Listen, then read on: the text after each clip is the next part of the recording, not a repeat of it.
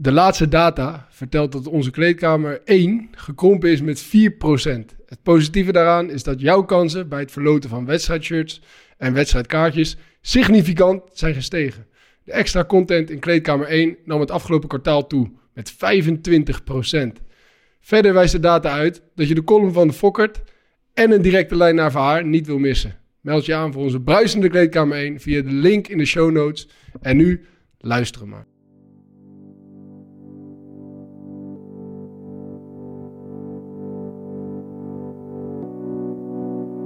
Er zijn nogal wat kloven in onze gepolariseerde samenleving.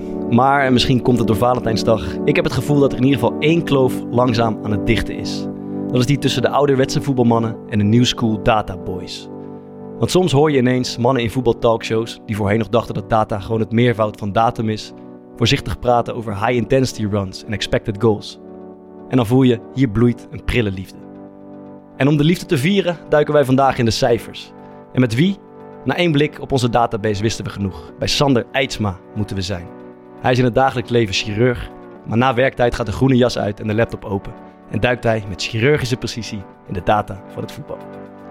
Goed om je te zien. and it went like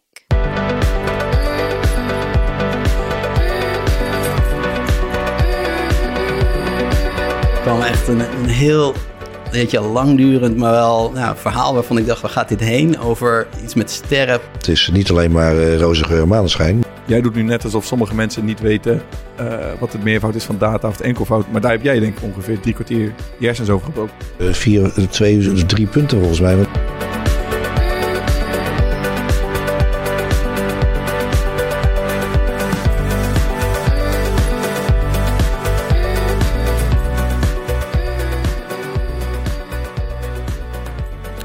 Gesproken. Groene jas. Dankjewel. De groene jas. Een chirurg heeft een groene jas. Of is dat niet helemaal zo? Ja, vaak is de OK-kleding groen, maar er zijn ook wel ziekenhuizen met blauw. En wat is die van jou? Eh, bij ons is het blauw. Oh, dan eh, herschrijf ik hem. Maar Hij is het niet idee, scherp, hè? het idee blijft staan hoor. Hij is niet. Is je nog iets anders opgevallen, Fok? Ja, waar is het? Ik eh, wist dat je het ik wist dat je het ja, ja, het was toch, het was een groot succes eh, vorige week. Ik ben vergeten, maar je hebt helemaal gelijk. Je hebt helemaal Zet hem gelijk. even aan. Ja, zet hem even aan. Ik bedoel, je Eh, bent, ik, eh, heb hier, ik heb hem hier lopen. Oké. Ik lopen.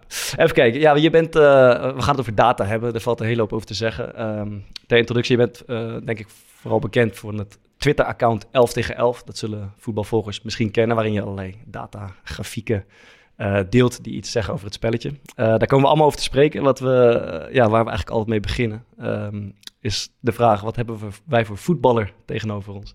Want je kan er wel mooi over schrijven en, en, en tekenen, maar wij hebben geen idee of er ook echt een voetballer in zit. Wat denken jullie, boys? Ja, als, als je ook een chirurg bent, dan moet je toch een beetje een macho zijn. Dus dat moet een spits geweest zijn. Kan eigenlijk niet anders. Geen slager. Huh? Heb je erover nagedacht of niet? Heb je erover...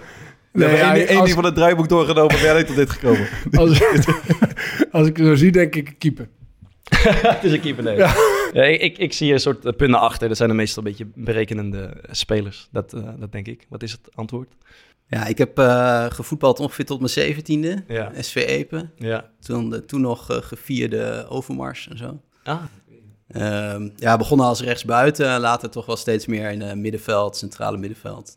In zulke soort uh, rolletjes. en eh, is er een soort van ziekenhuizen vriendenteam? Bestaat dat? De collega's die af en toe een balletje trappen met elkaar? Eh, hebben we wel gehad, met name zaalvoetbal. Ja. Dat vond ik wel echt heel leuk. Ja. Eh, maar de laatste tijd eigenlijk niet meer zo. Hey, vertel mij, jij bent eh, een luisteraar van onze podcast. Kan je ongeveer vertellen waar, wanneer je een beetje bent aangehaakt eh, in het geheel? Ja, ik denk dat dat eh, einde seizoen 1 of begin seizoen 2 moet zijn geweest. Ik kreeg een tipje dat het, dat het wel interessant was om te luisteren. En ik, nou, ik ben die, e- die eerste keer gaan, gaan luisteren. En ja, ik weet niet, ik weet nog wel dat ik aan het grasmaaien was en ik dat, dat opzette. En ik dacht, nou, nou ik, ik weet niet precies waar ik hier naar aan het luisteren ben. Er kwam echt een, een heel, weet je, langdurend, maar wel nou, verhaal waarvan ik dacht, waar gaat dit heen? Over iets met sterren, planeten. eh, Dat zal ik geweest zijn. en vervolgens dacht ik, eh, nou oké, ik, ik, ja, ik ben hooked. Ik geloof- eh, oh, ja, ja, ja. was- hij had je ik, bij, eh, eh, nou, ja, ik vond, ik, ja, het raakte me wel. Ik vond het mooi. Was je een van de weinigen? Dat ik toch nog iemand dat ik gehoord heb. Is een beetje een trauma geworden. Nee, leuk man. We gaan het... eh, ja, heel Maar, eventjes- maar ja. even, even tussendoor, Bart. Ehm, jij zat gisteren weer lekker te, te epibreren in de stad. Jazeker, ja. Ehm, zat je in het zonnetje. Maar ehm, jij doet nu net alsof sommige mensen niet weten eh, wat het meervoud is van data of het enkelvoud. Maar daar heb jij denk ik ongeveer drie kwartier je hersens over gebroken. Ik weet het nog steeds niet. Ik wilde dat, ja, je hebt helemaal gelijk. Ik wilde het aan jou vragen. Ik liep aan jou, uh, ik, ik, belde jou van de week, Sander, en ook met Maarten. Ik had het, gisteren even over. Ik loop gigantisch te stoeien en Maarten eigenlijk ook met het, uh, met het, zeg maar de taal van het begrip data. Ja. wat, de data is een soort meervoud, als in gegevens, statistieken. En wat, bestaat er ook een enkelvoud? Is dat ook data? Kan je ons vertellen hoe dat, hoe dat werkt? Ja, dat is... Um, ik kom die term natuurlijk wel veel tegen, ja. omdat ik er dan over heb. Ja, ik struikel er ook steeds over of je nou moet zeggen, nou, de, de data zegt of de data zeggen. Ja. ja, bij mij loopt het ook nog steeds een beetje door elkaar heen. Okay. Ik weet het ook niet precies. Oké, dus je hebt het antwoord eigenlijk ook niet paraat. Nee. Dan gaan we gewoon eindeloos stuntelen deze aflevering. Ja, um, ja we willen het heel even hebben over het ziekenhuis, want dat is waar jij werkt. Uh, en wij komen uit de voetbalwereld. En mijn gevoel is altijd, en volgens mij is dat zo, is dat de voetballers toch wel een beetje een, een streepje voor hebben in het ziekenhuis. Dat is ja, we, we worden zwaar voorgetrokken. het is eigenlijk een beetje op het ongemakkelijke af, uh, eerlijk gezegd. Dat komt volgens mij vaker, er is een clubarts aan zo'n, zo'n team uh, verbonden. Die werkt tegelijkertijd ook in het ziekenhuis. En we weten, de wachtlijsten zijn eindeloos en het is druk en het loopt storm. Uh, dus een, laat ik zeggen, een normale sterveling moet op een, uh, een knieoperatie eindeloos wachten. Uh, en de voetballer die glipt er altijd wel een beetje zo tussendoor. Ja. Um, ja, toch? Dat is wat het is. Ja, of tussendoor. Je kan gewoon altijd de dag erna. Je kan de dag erna gewoon Kan je toch nog even komen voor een scan of mag je toch even je gezicht laten zien. En ja. dan hoor je een van je vrienden, toen tijd ik nog speelde, die dan op een kruismatoperatie moet wachten. Ja. En ik had het idee, ah, dat kan gewoon op het moment dat, je, uh, dat het vocht eruit is, dan kan het direct. Maar mensen moeten daar letterlijk maanden op wachten. Of ja. zijn er je 7, 8, 9 maanden, ja. zijn ze ingepland. En ja. Dat is uh, voor voetballers wel net iets anders volgens mij. MRI-scannetje is gewoon de volgende dag uh, te regelen. Dat geldt denk ik niet voor iedereen, Sander, of is het wel zo? Nee, nee, dat is zeker niet zo. Nee, nee dat is wel een bijzondere realiteit. Wist je dat, dat soms, het zo was? Ja, nou, ik heb uh, zelf ook wel eens situaties meegemaakt... dat je s'avonds nog even door het ziekenhuis loopt... en dan zie je nog een bekende kop van een voetballer ergens in de wachtkamer zitten... bij de orthopedie in de buurt. Nou, dan weet je eigenlijk wel genoeg. Ja. Dus uh, ja, op die manier zie je het wel eens een keertje. Even, even ik wil nog even iets anders. Ja. Uh, over clubartsen. Ja. Nou, ik zat laatst Sparta te kijken. Ja. En uh, toen zag ik kerel het veld lopen. En ik dacht dat het uh, Jos was van, uh, van, van, de Willemskantine. Ja, hij luistert, hij luistert de podcast. Hij luistert. dus ik vraag, ja, wie is dat? Zeg, ja, ja, dat, is, dat is de vervangende clubarts. Ja, Jos. reserve, als reserve clubarts, ja, zeker. hoeveel, hoeveel clubartsen hebben jullie? Want bij ik zelfs wel er drie volgens mij op een gegeven moment. Ja, twee, die roleren een beetje, zeg maar, wanneer, wanneer, ze, wanneer ze tijd hebben. we hebben nu ook twee. Toen, ook, toen hadden we ook twee die elkaar afwisselen. Maar jij vond het een fascinerende kerel om te zien. Ja, gewoon omdat hij eruit zag als Jos van Willems Kantine. Ja, niet alleen, maar hij heeft gewoon niet echt, zeg maar, zo... Hij had gewoon een beetje wat uh, kunstzinniger uh, voorkomen, ja. zeg maar. Dus dat, dat, dat, dat, triggert mij dan wel. Ik zal het hem eens vragen of die ook, of die ook echt kunstzinnig is. Alright, um, ja, iemand uh, nog iets kwijt? Ja, ik heb zelf wel een klein dingetje. Ik heb vorige week een, een, een lans gebroken om wat meer... wat zeg want ik, word, ik zie... Ik Ga je nou weer beginnen over verkiezingen? Ja, okay, over de verkiezingen. Ik wil, ik wil toch een beetje aandacht vragen voor de Provinciale Statenverkiezingen die, uh, die ah, volgende week zijn. Dus ik dacht, we, doen, we gaan straks over data hebben. We doen een klein dataquizje. Ja. Um, dus vaak verwacht dat je ook even gewoon lekker participeert. Ja? Nu? Ja. ja. Klein okay. dataquiz. Hoezo, hoezo, hoezo zeg je dat zo? Ja, heel, nou, ik zie gewoon, uh, je, je bent er niet bij. Kom, nou wakker worden. ja, dus gewoon ik heb even zitten speuren, wat politieke data opgezocht. Ik dacht, eerst heb ik uh, weet je, de peiling van Maurice de Dagoe gekeken. Uh, dat ging dan over... ja, mooi, mooi. Over de landelijke verkiezingen. Ik dacht, nee, dat is even iets te algemeen. Uh, beginnen we met, op welke datum zijn de Provinciale Statenverkiezingen? Data of? ja, rustig, rustig. Nee, kijk, ik ben nee, dus... Het zal ergens in maart zijn. 15 maart, maar dus andere data, snap ik ook. Nee, ik heb een beetje die data zitten kijken, maar eigenlijk dan kom je in zo'n soort metapool terecht van allemaal dingen wat volgens mij heel weinig zegt en waar ik eigenlijk niet zo heel veel mee kan.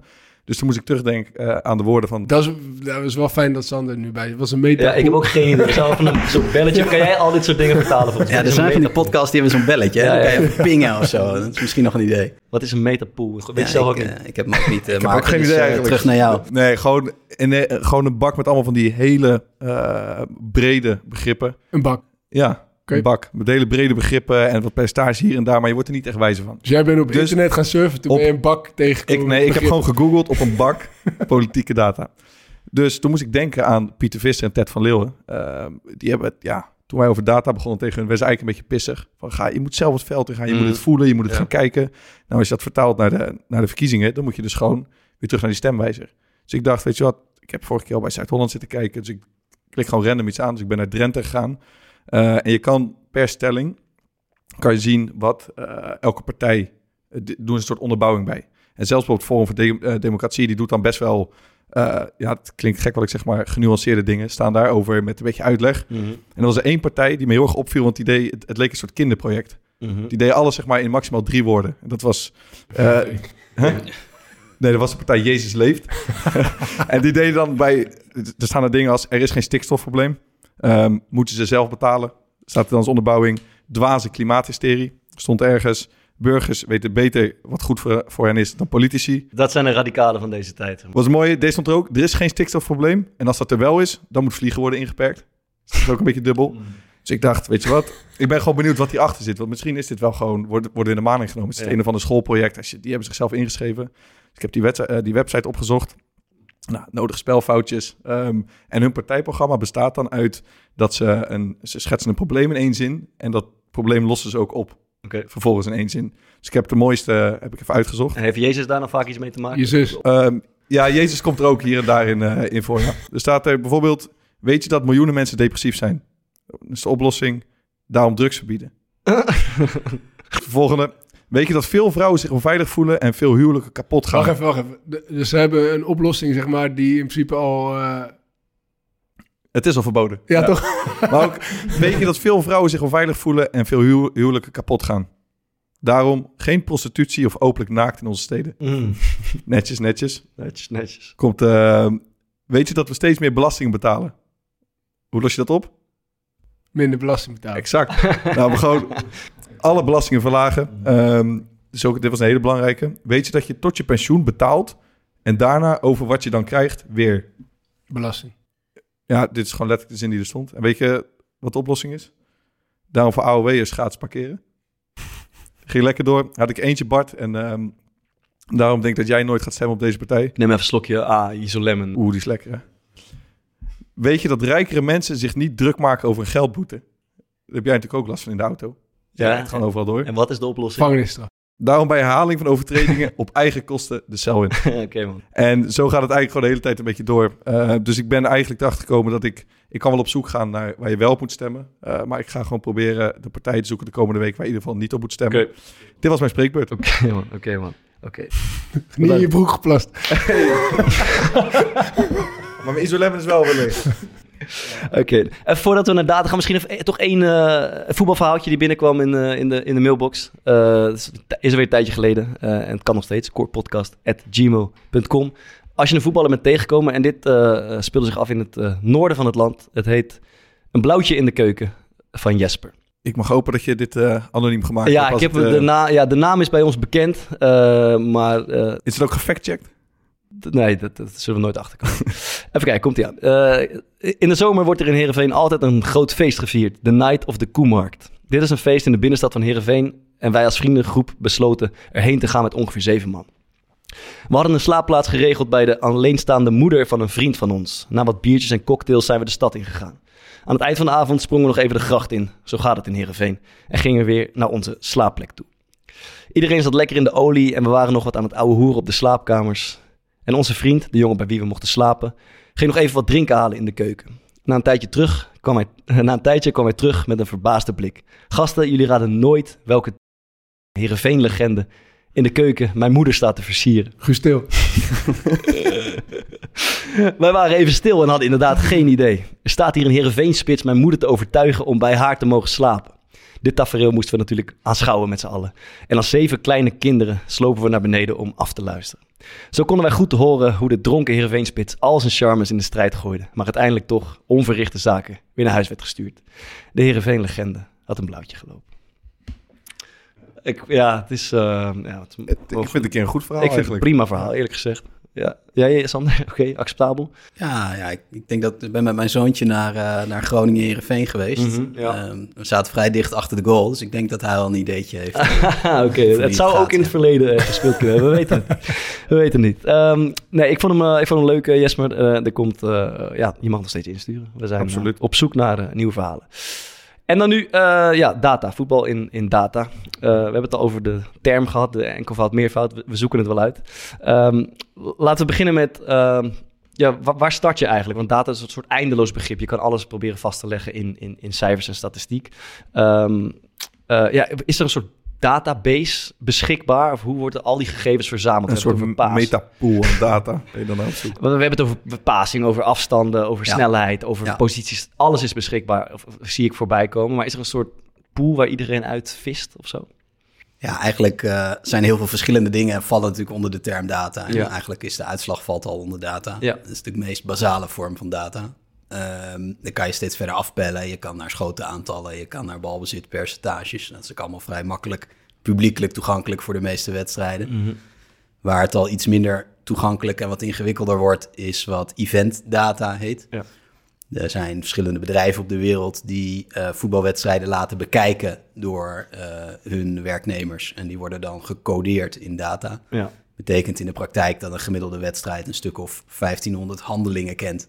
Die allemaal worden vastgelegd en waaraan wordt gekoppeld waar op het veld dat plaatsvindt. Wie de Zit betrokken er dan iemand spelers achter de televisie op de tribune? Of is dat, wordt dat, ehm, hoe zeg dat, uitbesteed naar bijvoorbeeld lage lonen? eh? Ja, laaggelonen landen gaat allemaal via video. Veel Egypte, India en dergelijke. En die, eh, die bedrijven die hebben daar vaak vestigingen met, met veelal studenten in dienst. En die, die studenten zijn ook vaak gekoppeld aan bepaalde teams. Zodat ze die spelers goed kennen. Dat ze minder fouten maken, dat ze patronen herkennen. En die hebben dan van die speciale keyboards. En die zitten dan met z'n twee tegelijk. één het ene team en één het andere team te loggen. En die kloppen al die, eh, al die events in. En die vinken gewoon, die speelt naar die, die speelt naar die. eh, Ja, er zijn, eh, er zijn bedrijven die dat ook live doen. Mhm. Dat gaat ook wel een beetje ten koste van de betrouwbaarheid. Er worden vaak achteraf wel weer dan wel wat correcties op gedaan. ja. Daar komen dus live data soms vandaan. Ja. En er zijn bedrijven die doen het achteraf op video, zodat een x aantal uur na de wedstrijd die data dan beschikbaar komt. Ja. Ehm, laten we eerst beginnen met eh, wij als speler, zeg maar, wat, wat zijn onze ervaringen tot nu toe? Wat krijg je mee van het datagebruik Nou, ik, bij ik clubs? weet nog wat, to- toen ik bij, ehm, eh, bij Excelsior had bijvoorbeeld altijd zo'n ehm metertje om. Dan kon je zien hoeveel, ja, hoeveel meters je had gemaakt letterlijk. Maar ik had bij Go Ahead had ik een keeperstrainer en die hield een soort van eigen eh, ja, soort logboek bij. Op, eh, op Excel was dat Ja. met waar je je tegendoelpunten bijvoorbeeld dan vandaan kreeg. En uit welke hoeken, zodat je precies... En keek je ook waar de schoten vandaan kwamen, zodat Ja. je allemaal percentages had. En ik weet dat ik toen de eerste ehm, drie, vier wedstrijden met die belofteploeg wel eh, best wel lekker had gekiept. Mhm. Dus had ik goede data. Ehm, maar na wedstrijd, toen verloor ik in 6-0. Ehm, dus toen was heel mijn datapool was zeg maar eh, door de war gehaald. Maar die heeft hij toen niet meegeteld. Dus dat was wel lekker. Oh, je, dus je reddingspercentage ging dus dro- Het ineens helemaal nergens op. Ik had zes goals tegengekregen uit de plek, eh, op plek waar het eigenlijk zeg maar niet goed uitkwam voor die Ja, data. dus, dus de slechtste wedstrijd wordt dan eh, meestal niet meegerekend, maar de beste dan misschien ook niet. Ah, dat zou ik, ik dacht eigenlijk dat hij het gewoon deed om mij eh, Ja, goed gevoel te geven. Goed, eh, Omdat Zou ik zo vergeten. eh, ja. Ja, ja wij... ehm, Hij dacht, wat doe ik dit eigenlijk nog voor?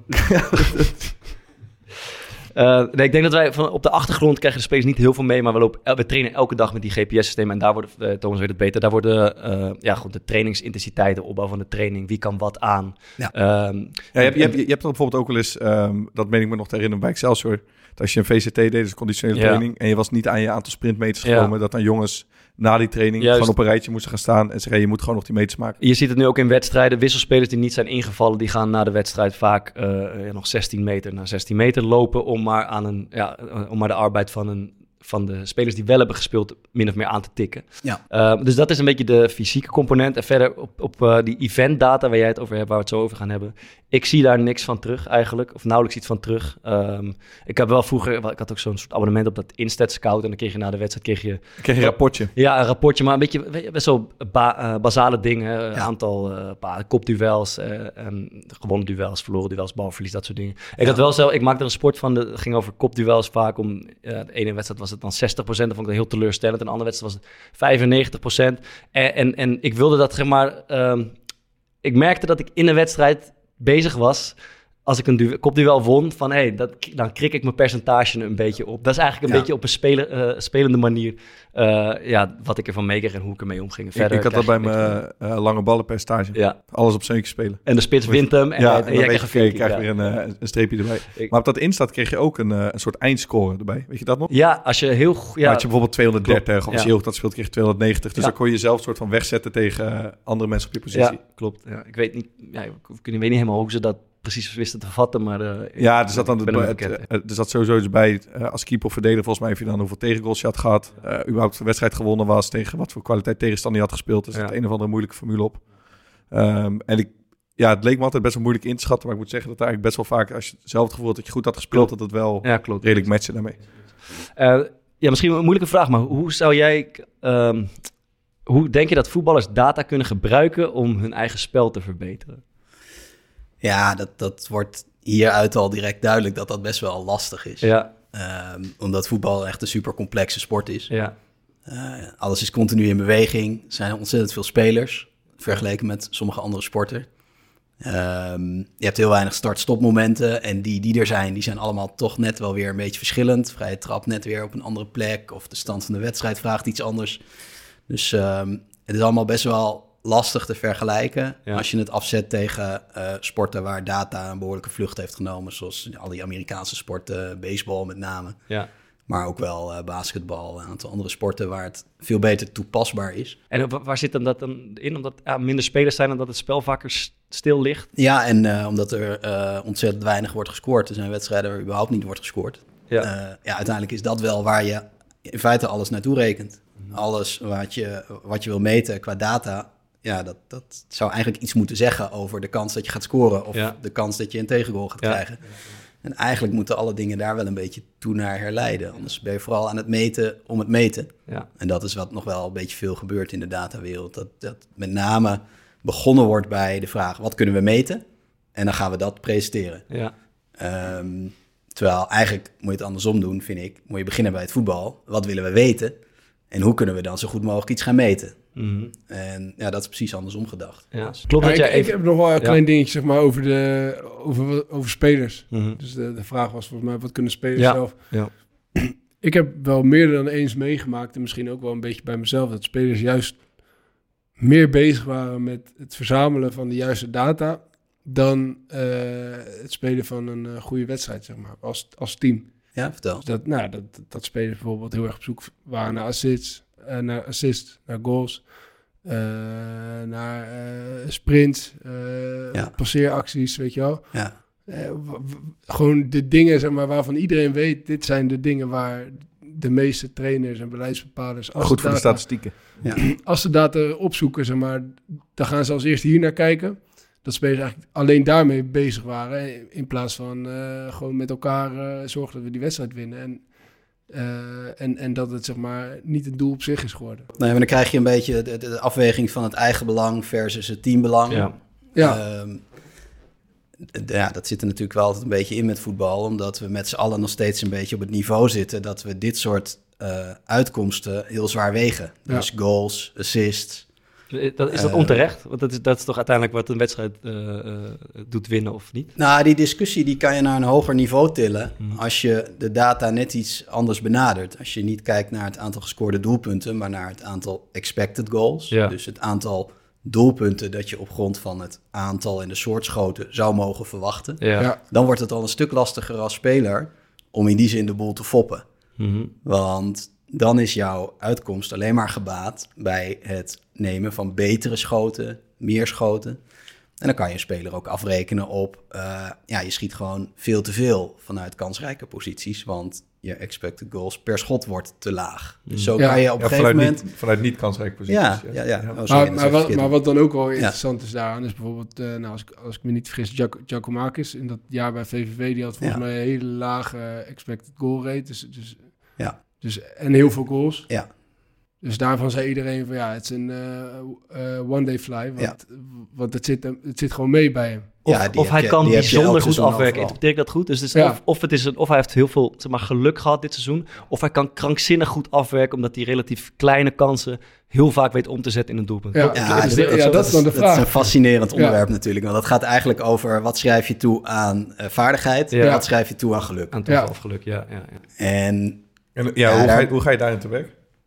nou, daar heb ik wel, wel, ja, wel lang over nagedacht. Want dat is natuurlijk precies waar, die, waar data-analyse over gaat. Ja. In hoeverre eh, reflecteert iets iemands kwaliteit ja. en in hoeverre is iets eh, toeval. Ja, dus, en dat is...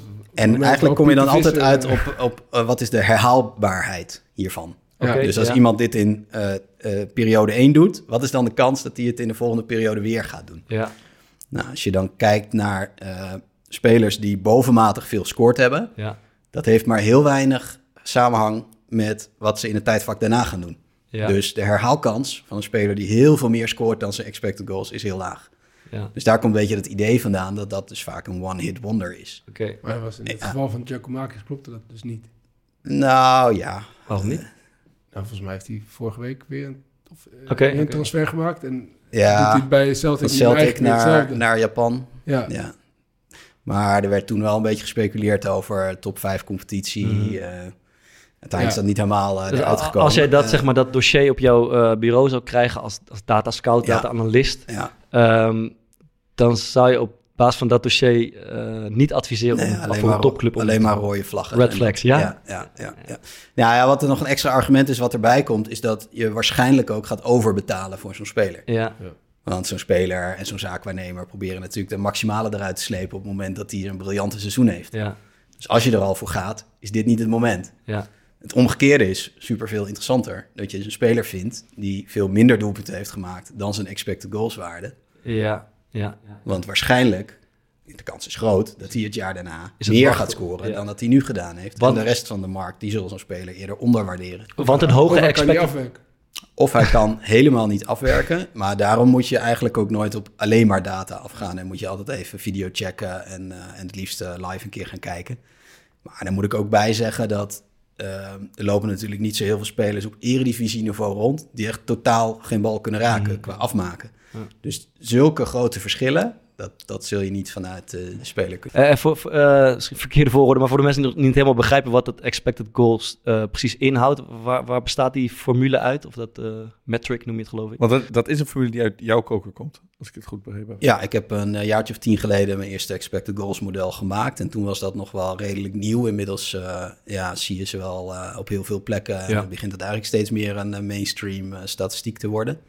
Wat wel heel fijn is, want dan ben je dus niet meer de helft van de tijd eh, je halve model aan het uitleggen. eh, en vervolgens to the point aan het komen. Het is, de- is denk ik een van de meest gehoorde statistieken. Ja. Dat, eh, Wij, bij tijd. Excelsior gebruiken we hem. We, we hadden ze maar als doel om eh, minder goals en tegen te krijgen. En Ja. hoe, nou, hoe, hoe, hoe maak je de kans op goals tegen kleiner? Dat is zeg maar door minder kansen tegen te krijgen. Dus, Ja. dat, dus dat eigenlijk na iedere wedstrijd hang ik een eh, dingetje op.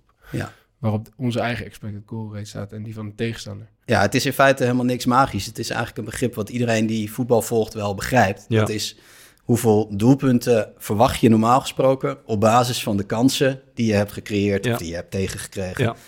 En eigenlijk zit dat wel in iedereen zijn hoofd. Iedereen heeft wel eens zo'n wedstrijd gespeeld dat je dacht, ja, nou, we hadden gewoon echt superveel kansen. Als Ja. we zo blijven spelen volgende week, dan Ja. komt het helemaal goed. Ja, Ja, dat ga je dan kwantificeren. En dat is eigenlijk alles wat het is. En dat Maar- kan je ook per schot doen. ja. Dat je denkt van, nou, ik zie die en die doelpoging. Nou, daarvan kunnen we uitrekenen dat die in eh, 27% van de gevallen erin gaat. En, en, en levelt dit zich altijd, zeg maar, naargelang het seizoen vordert? Dus na 34 wedstrijden sta je wel een beetje waar je staat? Of, of kan het tot hele grote verrassingen leiden? Eh, nou, eigenlijk is in die zin een seizoen zelf nog wel een beetje te kort eigenlijk om alle variatie eruit te levelen. Dus Ja. je hebt ook na één seizoen heb je nog steeds wel teams die bovenmatig eigenlijk eh, presteren en iets hoger op de ranglijst staan dan wat ze uiteindelijk op het veld hebben laten zien. Ja, En andersom ook. ja. Want, wat zou bijvoorbeeld de huidige Eredivisie-ranglijst er anders uitzien als je uitgaat van... Hoe zijn jullie ervoor goals? eigenlijk? eh, in dat opzicht. Jullie, ik denk heel goed. Ik denk dat wij, eh, schat ik zo in, en jij, misschien heb je het antwoord. Ik denk dat wij eh, eh, iets, iets boven ons kunnen presteren. Maar ik weet niet of dat zo is. Nee, volgens mij eh, Dus het is niet terecht. echt toch? Misschien iets, maar volgens mij krijgen we heel weinig kansen tegen. Ah, je hebt het over Eh, tegenkansen. Ja, oké. Ik weet het eigenlijk eerlijk gezegd niet. Ik hoop dat jij ons Nou ja, in feite is het natuurlijk voor de ranglijst is het een balans hè, tussen de kansen die je creëert Ja, en die je tegenkrijgt. Dus Mhm. dan is het niet één van de twee. Nee, Ehm, ja, nee maar als je bij één heel goed doet en de ander... eh, Ja. dan- dan... Nee, maar kijk, Sparta heeft natuurlijk een geweldig seizoen nu. Ehm, staan nu zesde. Maar als je in die, die expected goals getallen kijkt, dan scheelt het niet heel veel. Het is nog steeds zeker wel top half. Ja. En daar, daar zitten misschien net één of twee plaatsjes meer nu dan Ja. dat het eh, qua expected goals is. Ja, ja. Dus ja, dat zit niet heel ver uit elkaar. Dat, dat maakt de conclusie niet wezenlijk anders dat het nog steeds echt een super lekker seizoen is. Ja. Dus, Voor ons zou de wereld er anders uitzien. en ik denk dat voor Excelsior net een beetje andersom is. Ja? Eh, ja, er zitten gewoon best wel wat wedstrijden bij waarin Excelsior punten heeft gepakt, terwijl de kansenverhouding behoorlijk andersom was. Als je, als je de eerste Ja. wedstrijd van het seizoen pakt, natuurlijk een schoolvoorbeeld van een, eh, De een eerste van het seizoen. Ja, Excelsior bij Cambuur uit. Ja. Dat werd een 2-0 overwinning met Ah, ja. ja, De Van was Gassel show was dat. Ja. Alles Ja. bijna 30 schoten tegen. Ja. Eh, ja, dat, dat is een goed voorbeeld van ehm, die discussie over, over eh, vaardigheid of geluk. Ja. Ehm, het is in die zin geluk dat als je elke wedstrijd zo eh, eh, presteert, Ja. dan gaat het niet heel veel punten opleveren. Ja. Maar op die dag Ja. heeft het team het wel gedaan. Ja. En op die dag heeft die keeper wel die ballen eruit gehouden. Ja. En heeft hij dus die vaardigheid laten zien. Ja. Ja. Alleen de kans dat hij dat wedstrijd in, wedstrijd uit met Ja. 27 schoten tegen steeds de nul houdt. Ja. Dan Maar- weet iedereen dat die kans eh, ongeveer nul is. Ja, dan nog even over dit. Ik zag op jouw eh, 11 tegen 11 Twitter-account eh, eh, een tweet zoals dat het nogal ironisch is dat Ajax een trainer ontslaat, eh, uitgerekend na de wedstrijd tegen Volendam. Ehm, en dat vond ik wel treffend, want eh, Ajax ontslaat zijn trainer op basis van slechte resultaten. Maar Ja. die wedstrijd was bij uitstek zo'n wedstrijd, als ik, als ik het goed interpreteer, ja, waarbij ehm, het volledig aan, aan pech te wijten was dat ze niet, niet met drie punten naar huis ging. Ja, in feite wel. Als je naar de kansenverhouding van die wedstrijd kijkt. Ja. En ja, die wedstrijd heb ik ook gezien. Ja, speel hem 10 keer en Ajax wint hem 9,5 keer natuurlijk. Maar ga je niet Ehm, tekort... Ja, oké. Dat, Dat, dat, is misschien wel... die tweet ging heel erg over de ironie in de timing. Die Ja. tweet ging natuurlijk niet over eh, dat dit aantoont dat ze die, die, die trainer niet hadden moeten ontslaan. Oké. Ehm, ja, dat is één. En ja, het gaat bij een voetbalclub natuurlijk wel om iets meer dingen dan alleen maar expected goal aantallen. En met één getalletje kan je eh, rechtvaardigen of een ontslag wel of niet terecht Ja. is. Hè. Dat gaat ook om people management, om hoe het eh, allerlei, Ja. met allerlei dingen gaat die je van buitenaf iets minder waarneemt. Ja. Dus dat, ja, dat gaat wel iets verder. Maar ik ga ervan Maar- uit zeg maar, dat op basis van de prestaties van Ajax op die dag, zeg maar, dat je het mm, niet helemaal terecht vindt dat de trainer zeg maar, op basis van die prestatie wordt ontslagen. Ja, Als je ergens. kijkt naar de expected goal rate bijvoorbeeld dan. Dit was natuurlijk een beetje in het micro, omdat dit, ja, dat ging niet heel lekker met Ajax. Ja. En eh, ja, dit was het zoveelste gelijkspel op rij, dus het zat natuurlijk al heel ver aan te komen. Ja. Ehm, maar je hebt het ook wel in iets groter verband, hè? Dat, het, dat het bij sommige teams ehm, qua resultaten heel matig gaat. Maar dat de onderliggende getallen eigenlijk niet zo matig zijn. Mhm. En Ja. dat dat dan het moment is dat een trainer eh, de laan uitvliegt. Ja. Dan komt er een nieuwe trainer. En ook al was hij er niet gekomen, dan zat het er natuurlijk dik in... Ja. dat de resultaten weer een beetje gaan afbuigen naar de trend Ja. die toch al aan de gang was. En dat Ja, is echt dan een puur op de uitslag gemunt, terwijl het onderliggende eigenlijk eh, hele goede dingen laat zien voor zijn elftal bijvoorbeeld. Ja, en dat bedoelde ik net met eh, de dingen gaan repareren die niet stuk zijn. Ja, ja, ja. Ehm, ja, dat heeft ook allerlei nadelen om een trainer te ontslaan. ja. Maar, maar, ja, Ja, ik- dan ook niet een aantal zeg maar, mentale aspecten heel erg Ja. uit? Dus bijvoorbeeld gewoon, we hebben het wel eens over gehad, maar een shock-effect is iets echts. Als er zeg maar, een trainer uitgaat en er komt een nieuwe trainer Het bij. zou kunnen, ja. Het zou kunnen Ehm, bestaan, ja. Ja, want je, je eh, wordt de kans, ik zeg maar iets, hoor, iets, iets groots, als, als je een nieuwe trainer krijgt, wordt bijvoorbeeld de kans op dat je een beetje momentum creëert weer, eh, niet wat groter. Ja, er zijn wel wetenschappelijke studies naar gedaan die dat ehm, ehm, puur getalsmatig op een rij zetten. Dus dan heb ik niet over psychologische effecten en of spelers meer hun best gaan doen en wat Ja. het met cohesie doet. Dat is natuurlijk allemaal wat lastiger van buitenaf te meten. Maar puur kijkend naar resultaten en punten, dan is dat shock-effect echt super beperkt. Ja. Het is er heel eventjes en daarna eigenlijk niet meer. Ehm, ja, en het blijft natuurlijk best wel een genuanceerde afweging als, als betaald voetbalorganisatie of je wel of niet met een bepaald persoon in een bepaalde functie verder gaat. Dus Ja. dat gaat allemaal wel iets verder dan eh, je kan met, eh, met een laptopje verklaren of iets een goed Ja, idee is ja. of niet. Ehm, Maar- ja, dat, dat, ja je, kan, eh, je kan het op die manier wel gebruiken. Maar ik vind bijvoorbeeld als het gaat over expected goals, als je, als je dat zeg maar gebruikt, nou, degene die doelpunten maken zijn vaak de spitsen. Ik vind zelf dat, en dat heb ik zelf ook ervaren, dat zeg maar, wat bepaalt of je een bal wel of niet erin schiet. Ik denk dat zelfvertrouwen daar een krankzinnig grote rol in speelt. En als je bijvoorbeeld Ajax tegen Volendam zag spelen, kan je van alles zeggen over de kansen. Maar je kan ook van alles, van alles zeggen over het zelfvertrouwen wat die spelers uitstraalden. En wat ze waarschijnlijk ook eh, niet hadden, zeg maar. En wat ze nu, wat ze nu wel weer eh, eh, eh, uitstralen. En, Ja, en daarin is een trainer natuurlijk wel vrij bepalend. Nou ja, daarom had, had ik het in die tweet ook meer over de timing dan over de Ja. beslissing zelf. Want ja, dat, dat denk ik wel buiten kijf dat er nu dingen aan het veranderen zijn daar. Ja. En ehm, ja, je kan data ook weer gebruiken om een half jaar eerder al te kijken überhaupt naar de aanstelling en de benoeming. Ja. En daar kan je dan ook alweer vanuit data weer vraagtekens bij zetten. Dus ja, zo kan je het op allerlei manieren inzetten. Maar- Oké.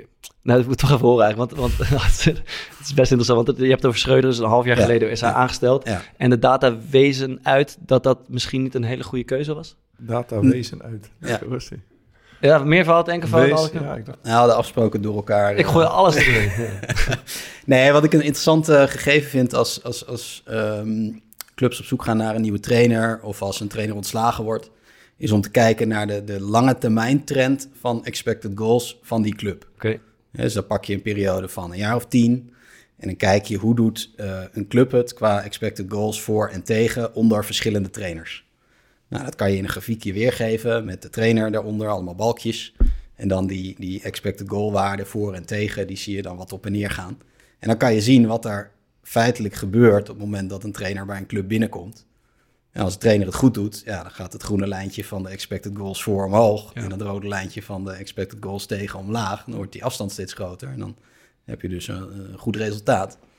Ja, en bij Schreuder hebben we bij verschillende clubs precies het omgekeerde zien gebeuren. En dat is, ja, dat is natuurlijk een, in principe een soort correlatie, dus een soort samenhang in tijd. Dat bewijst nog niet per se ook een oorzakelijk verband. Maar als je het, ja, het zou je in ieder geval wat, eh, weer wat red flags moeten opleveren. En ehm, ja, daar kan je dan vervolgens van besluiten dat, je, dat er allerlei excuses voor bestaan en dat het toch niet terecht is. Maar die nuance zou ik er wel in eh, verwerken als ik iemand eh, zou zoeken. Ja.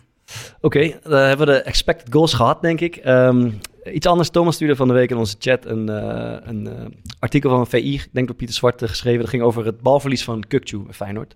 Eh, in een specifieke wedstrijd had hij heel veel eh, balverlies Ja, tegen geleden. PSV. Eh, tegen PSV. Ja. En je weet hoe het gaat aan talkshowtafels. Uh, hij grossierde in balverlies, et cetera, et cetera. Ja, een record, een eh, zijn persoonlijk record. Persoonlijk record. eh, Ja, en hij, verbeterd. leid, hij leidde ook die goal in hè, met, Ja. eh, Ja. met de bal. En dan wordt het alleen nog maar meer En uitgegroot. dat is natuurlijk het moment wat ook bepalend is in de wedstrijd. Ja. Dus, dus Ja. dat was natuurlijk de kapstok om die Oh. statistiek van stal te halen. Ja, maar eh, wat, wat, wat, wat zei dat artikel?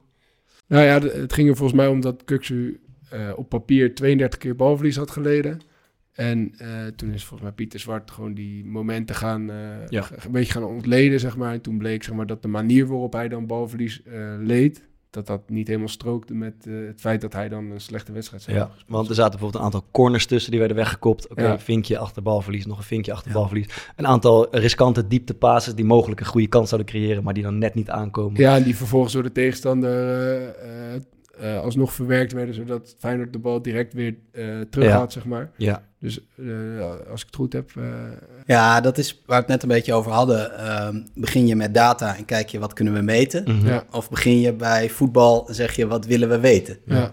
Ja, Ja. en dit is een beetje een, een, een statistiek die begint bij data. Van ja, we zouden kunnen meten wanneer iemand de bal verliest. Nou, Ja. dan moeten we een definitie bedenken. En die moet ook goed toe te passen zijn voor die jongens en meisjes die die video moeten coderen. ja, ja. Dus die moet heel eenduidig zijn. Ja. Nou, die definitie is dan heel simpel opgesteld. Iedere keer dat de bal jouw voet verlaat en de tegenstander raakt hem, dat Ja. is balverlies. ja.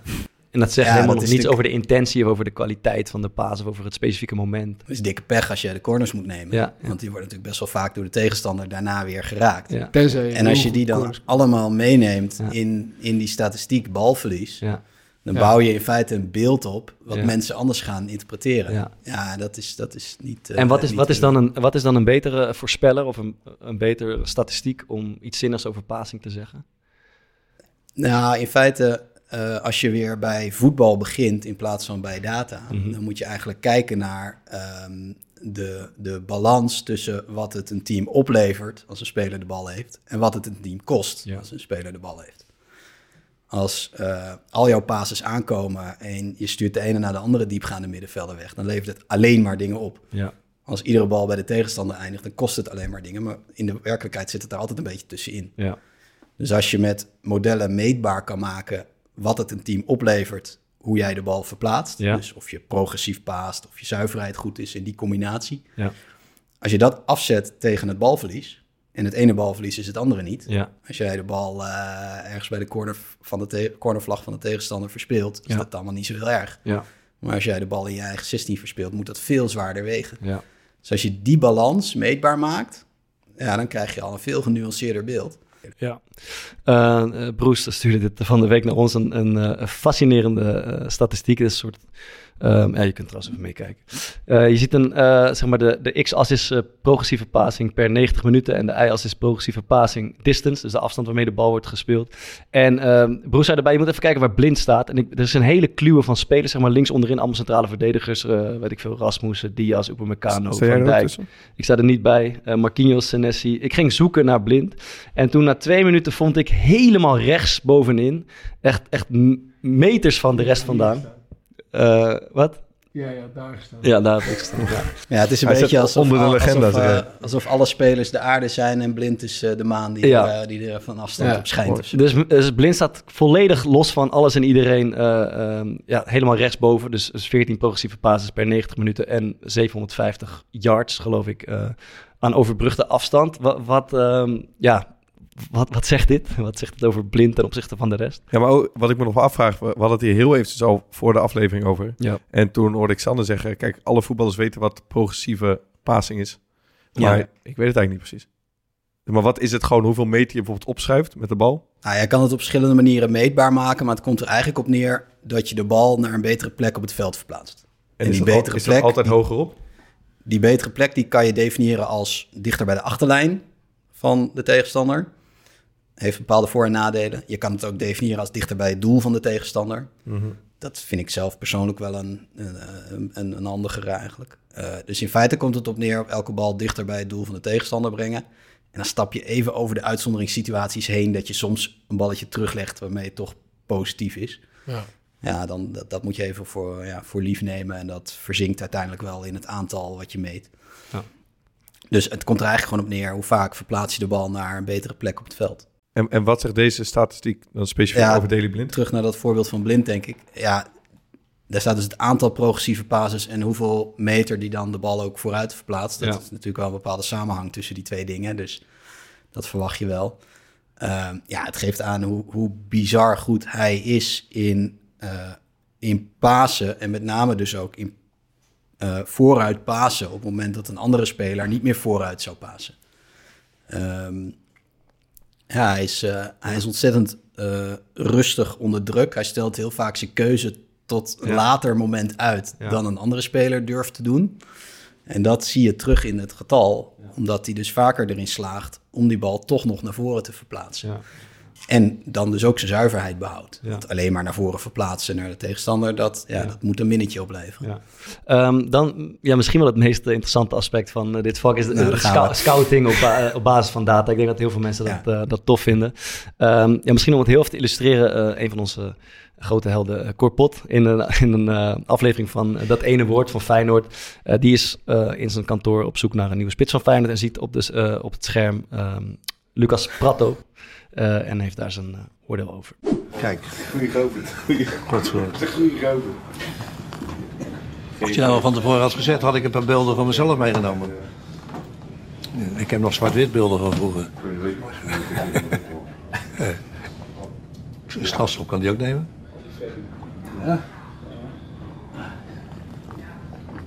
Nou, ik zie je nou voor het eerst, maar het is een hele sterke, sterke speler die eh, een doelpunt kan maken. Speelt natuurlijk in de, wel in de hele grote competitie in eh, Argentinië bij River Plate. Je kent het Een stukje data-interpretatie voor gevorderden. Ah, hij kan een doelpunt maken. Ja. Ja.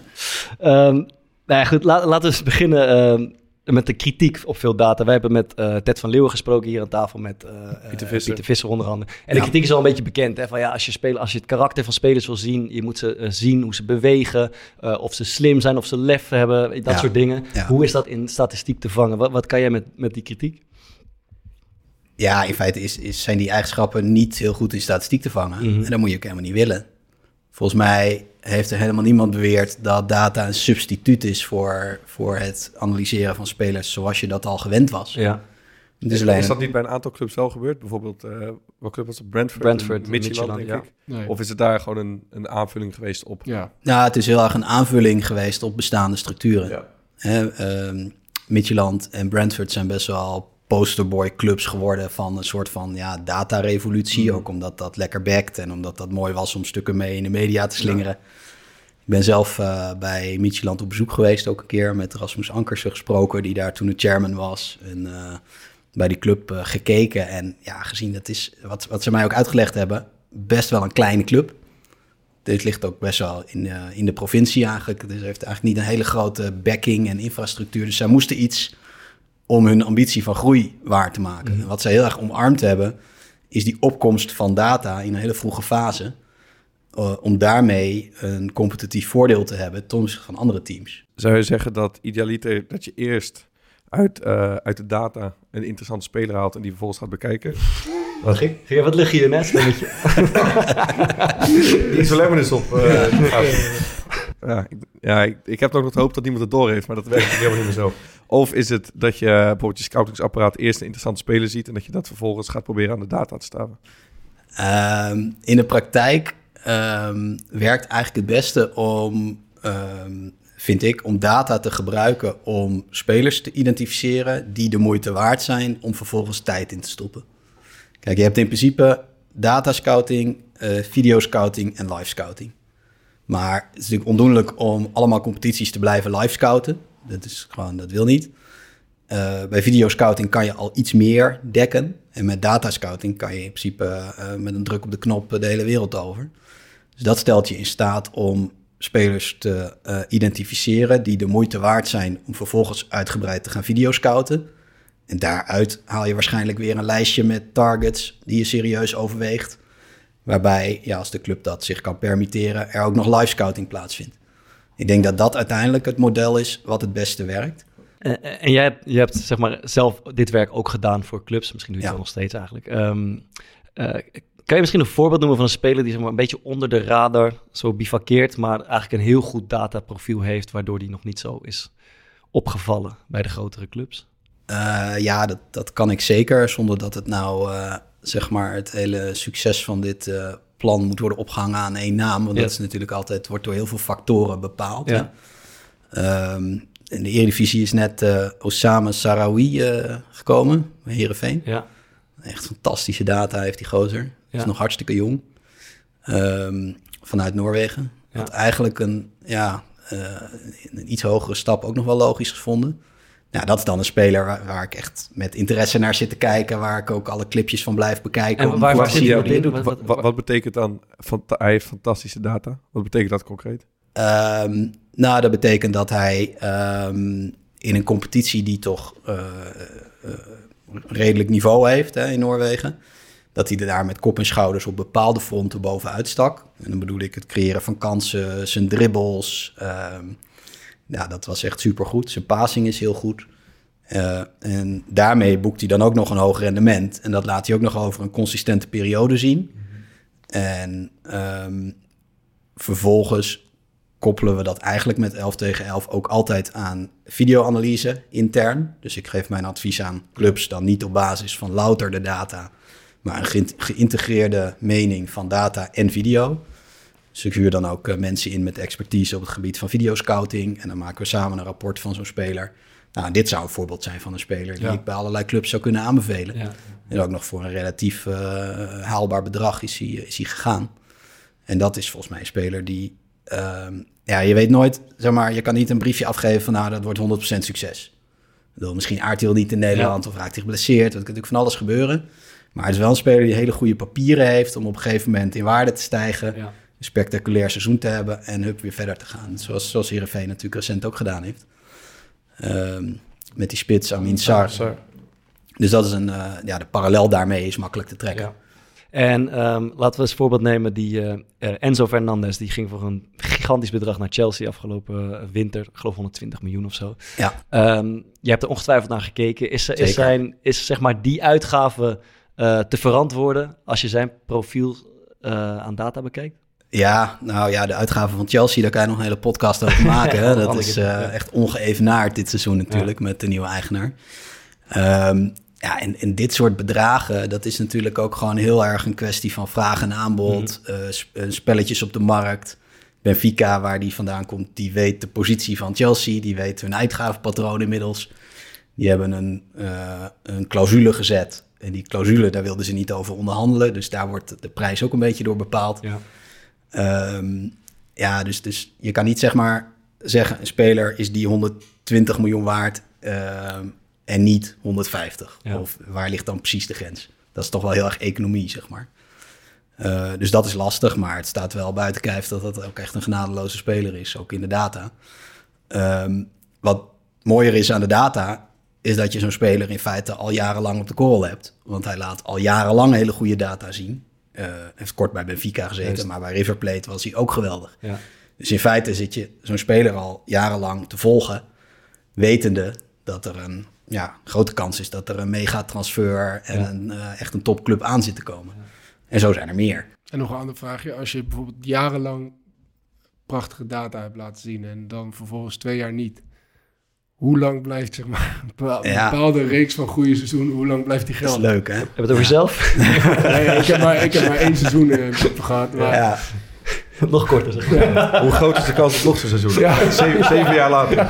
Nee, maar die, die, situatie, die situatie komt natuurlijk heel veel voor. Als je, uh, als je voor uh, een topclub werkt met alle geld van de wereld... ja, dan is zo'n speler natuurlijk af. Ja. Maar in de praktijk zit je natuurlijk heel vaak net in het niveau daaronder. En dan moet je eigenlijk ook wel bepaalde risico's kunnen nemen. Ja, uh, ja dat moet je een beetje uh, in die zin slim aanpakken. Dat je je in ieder geval bewust bent van de risico's die je neemt. Ja. Um, maar hetzelfde, hetzelfde uh, komt eigenlijk veel vaker voor met een speler waar maar heel beperkte data van beschikbaar is. Ja. He, van die jochies die maken op 17, 18 hun debuut. Die spelen de sterren van de hemel. Die hebben misschien zes keer 90 minuten gespeeld.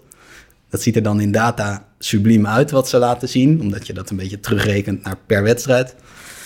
Ja, uh, is maar de vraag of dat uh, volgend jaar stand houdt. Of dat het een spetterend debuut is wat een beetje weg gaat zakken naar zijn eigenlijke niveau. En dat, dat is wel een wel een lastigere soms. Om, Geld, uh, geldt dat eigenlijk ook voor uh, Xavi Simons bijvoorbeeld bij PSV? Nu algemeen uh, staat de boek zeg maar de beste speler van de Eredivisie zo'n beetje. Daar wordt zo over ja. gesproken. Maar relatief korte periode denk ik als je het afzet tegen andere spelers. Ja, zijn eerste, profseizoen, ja. eerste profseizoen. Ja, en um, ja, hoe, hoe zou je hem eens in, in cijfers kunnen vangen? Ik bedoel, hoe, hoe scoort hij daarop? Ja, als je het zeg maar, in een paar woorden heel simpel wil zeggen... dan heeft hij wel echt fantastische data binnen de Eredivisie. Mm -hmm. um, de jongen is ook maar 19. Dus dat is natuurlijk ook wel context die belangrijk is. Eerste profseizoen. Um, hij zit wat mij betreft een beetje op het snijpunt. Als ik puur naar data kijk. Ja. Weet je, op dat snijpunt van een hele kleine sample size. En ja, nog niet helemaal betrouwbaar te geloven. Gaat nu steeds meer naar, ja, dit, dit is hem wel. Ja, um, ja en hoe meer informatie erbij komt, hoe zekerder je het weet. Ligt dat eraan dan dat hij gewoon zo goed presteert dat je niet bijvoorbeeld uh, data van drie seizoenen nodig hebt voor hem? Of is soms gewoon één seizoen genoeg datawijs? Nou ja, in principe is bij de meeste spelers één seizoen absoluut genoeg. Um, maar het is ook niet zwart-wit in de zin dat er echt een afkappunt is van nou, nou weten ja. we het. Het wordt steeds duidelijker. En hoe langer je wacht met het verzamelen van informatie, hoe groter de kans dat je als club natuurlijk te laat bent. En dan zijn er veel meer clubs. Of dan is hij überhaupt al weg. Dus je moet ook uh, onzekerheid accepteren als je grote talenten wil recruteren. Um, ja, bij Xavi Simons is natuurlijk ook nog de eye-test. En die zie je regelmatig spelen. Ja, dan zie je ook fantastische dingen. Mm -hmm. Dus dat sluit allemaal mooi op elkaar aan. Um, ja, dus dan wordt het beeld ook al sneller betrouwbaarder. Ja, je ziet in, in zijn data gewoon geweldige dingen. Die jongen die heeft een, heeft een enorm scorend vermogen. Uh, zijn dribbles zijn fantastisch. En, uh, omdat hij, uh, hij creëert veel kansen voor zichzelf en voor zijn team... of hij zet heel weinig kansen snel om in een doelpunt? Of is dat allebei zo eigenlijk? Nou, met name uh, zijn aantal expected goals is goed. Zijn dribbles zijn goed. Ja. Um, wat in zijn geval misschien nog wel wat beter kan... is uh, zijn passing. en ook... Wat wel een interessant concept is, is eigenlijk... Ja, dat is een beetje een Engelse term... maar de, de usage rate. Dat is een beetje een basketbalterm... Maar dat is uh, uh, hoeveel van de aanvallen van zijn team lopen via hem. Oké. Okay. dat heeft natuurlijk het team effect op. Mm -hmm. Maar daar heeft hij zelf ook effect op. Met zijn loopgedrag, met aanbieden. Ja, daar zou hij nog kunnen verbeteren. En als je dat nog verbetert, zowel hij als PSV... Ja. dan krijg je nog een hoger rendement. Ja. En zo krik je dan zijn expected goal waarde... zijn expected assist waarde omhoog... Ja. En dan gaan vanzelf ook die output, waar we het net een, over hadden, uh, zijn, zijn goals en assists omhoog. Ja. Uh, dus ja, daar, daar ligt natuurlijk van allerlei ruimte om nog te verbeteren. En zo kan je die data gebruiken om met een speler concreet te werken aan verbeterpunten. En die ja. kan je ook weer meetbaar maken. En als je zijn balcontacten afzet tegen balcontacten van andere erkende topspelers, uh, Tadic, een Messi bij PSG. Ja, die zitten echt een flink stuk hoger qua balcontacten. Meer, ze hebben meer bal. Veel meer balcontacten. Oké. Dus ja, dat zou een van de dingen zijn waar je aan kan werken. Ja. En dan moet je genuanceerd mee omgaan in de zin dat je denkt, hoe kunnen we dat dan doen? Je komt er niet door te zeggen, nou, nou jij maar eens wat vaker balcontacten. Ja. Nee, daar moet je wel een plan voor hebben. Zegt dat altijd iets aan, aan de balcontacten? Nee, dat is niet een, een, een parameter op zich. Maar als ik puur naar het specifieke profiel van Simons op dit moment kijk, Ja. dan denk ik dat daar de ruimte ligt. Dat hij dus, eh, ja, dus, ze noemen dat wat dwingender en, en dat soort facetten. Ja, Zo, zo kun je dat dan gaan noemen, ja.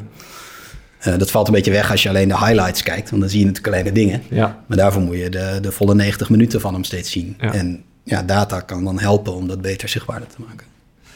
En eh, tot slot, hoe, hoe denk je dat de toekomst eruit gaat zien? Gaat dit steeds meer geïntegreerd worden? Gaan, het, gaan we dingen te weten komen die we nu nog niet weten? Bijvoorbeeld, heb je enig idee daarvan? Ehm, nou ja, in feite is dat al aan het gebeuren. Eh, zonder dat iedereen dat misschien met zoveel woorden ziet. Maar er zijn al best wel veel dingen in het voetbal aan het veranderen. Ehm, en ik denk dat dat ook komt doordat clubs op een andere manier met eh, tactiek en spel omgaan. Ehm, een simpel voorbeeld is het eh, aantal schoten per wedstrijd. Dat zit al jarenlang zit dat in een dalende trend. Omdat de schoten die... eh, Ricardo Moniz had het al voorspeld. Hè? ja, Nee, juist niet. Ja, die, die zei toch altijd, we moeten veel meer op doel schieten. Uit alle hoeken en standen. Ja, ja, ja als je kijkt naar, naar het aantal schoten per wedstrijd in grote competities over de laatste tien jaar of zo, dan is dat gewoon steeds meer aan het dalen.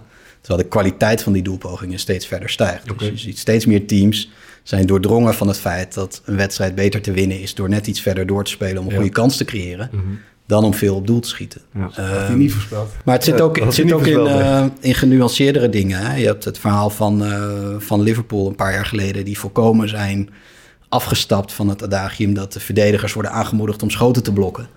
Omdat ze hadden ontdekt dat er ook best wel veel negatieve gevolgen aan dat blokken hangen. En dat er vaak schoten worden geblokt die een keeper toch al pakt. Eh, eh, en, ja, precies. En, dat is wel dan? interessant. Wat zegt dat dan? Nou, dan krijg je minder corners tegen. eh, Oké. krijg je minder doelpunten tegen die door data wordt ballen die van Ja, maar, precies, maar specifiek over dit, maar of, of dat de balverrichting wordt veranderd en alsnog... Ja, of door je benen wordt hij denk ik vaak geschoten. Ja, Ja, ja. Ja, en wat Ja, is dan dus- het... eh, en dus, dus die verdedigers worden opgeleid door juist meer te schermen. Ja, minder blokken. Ja, precies. Liever niet. Meer- dus ja. als je als je een soort van keuzemoment in zit, Ja. dat is natuurlijk soms is het een reflex, maar Ja. soms zit er een soort van keuzemoment in. Ja, En als je dat goed traint, kan je dus het aantal bloks juist omlaag brengen. ja.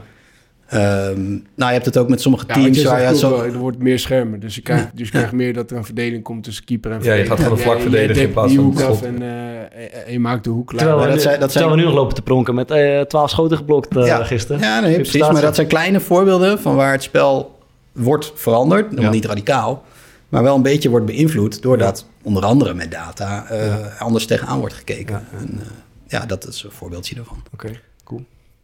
Heb jij, je hebt natuurlijk een aantal formules gemaakt nu en ontwikkeld. Is er eentje, eh, een soort code die je nog niet gekraakt hebt, maar waar, waar je van droomt om wel te kraken?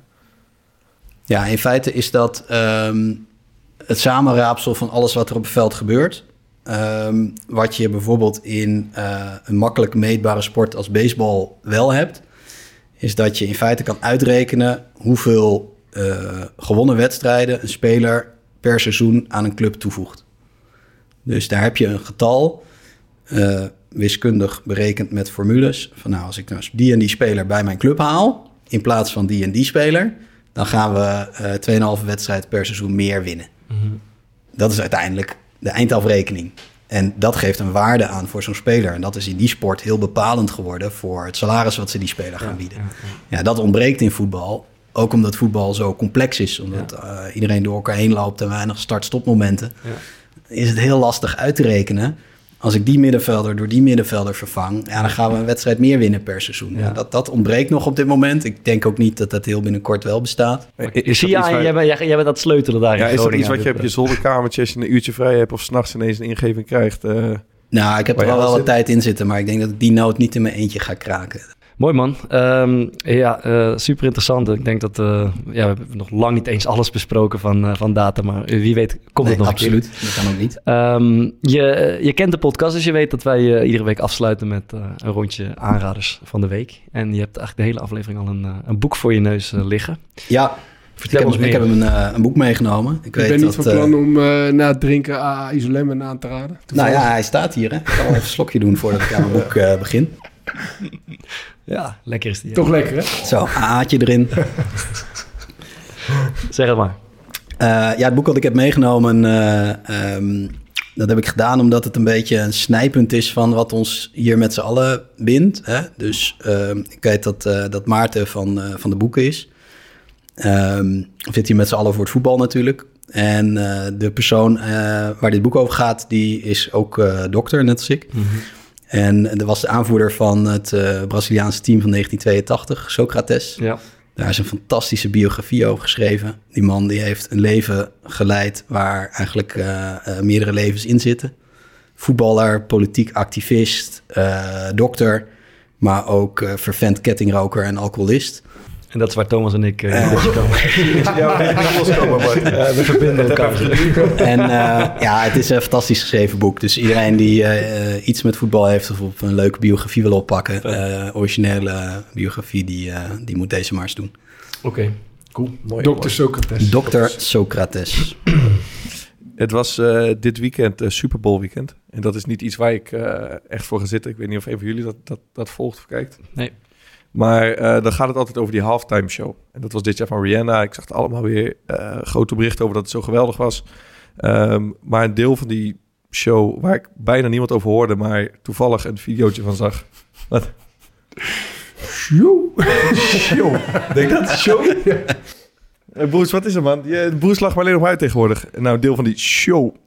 Ehm, waar wat minder aandacht voor was, dat is het... het voor aanvang van die wedstrijd wordt het Amerikaanse volkslied gezongen. En dat werd eh, dit jaar gedaan door Chris Stapleton. Die kan je kennen van eh, Tennessee Whiskey, onder andere.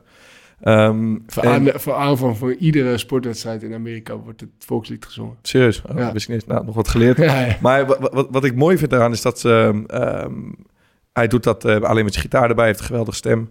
Maar er lijkt een soort van moment te ontstaan waarin die spelers even ruimte hebben om... Kijk, ze moeten het grootste prestatie gaan leveren. Het is natuurlijk een hele best wel agressieve sport.